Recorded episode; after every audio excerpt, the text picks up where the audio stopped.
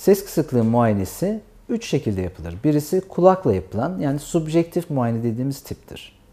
Profesyonel bir kişi kişinin sesini dinler ve kendi ölçüleri, kendi işitsel değerlendirmesine göre sınıflar. Sesin kalitesini belirler ve ona göre bir yorumda bulunur. Buna bir ses patolojisini tanımlama ve bunu yapan kişiye de ses patoloğu denir.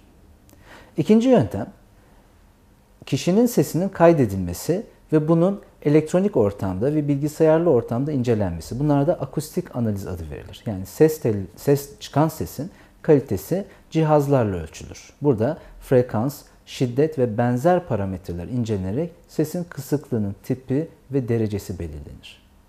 Bunların yanında üçüncü olan muayene de belki de en önemli muayenelerden birisi endoskopik muayenelerdir.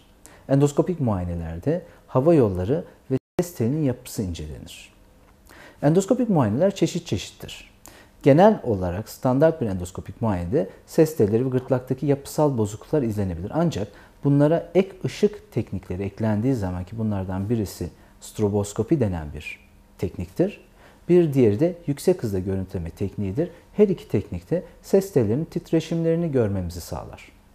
Ses tellerinin titreşimlerinin incelenmesi çok önemli çünkü ses kısıklığının tarzını belirler ve bu cihazlarda ses tellerinin titreşimleri her bir ayrıntısına kadar ayrıntılı bir şekilde incelenebilir, değerlendirebilir ve hastalıkların ve patolojilerin titreşim üzerindeki etkileri gözlemlenebilir.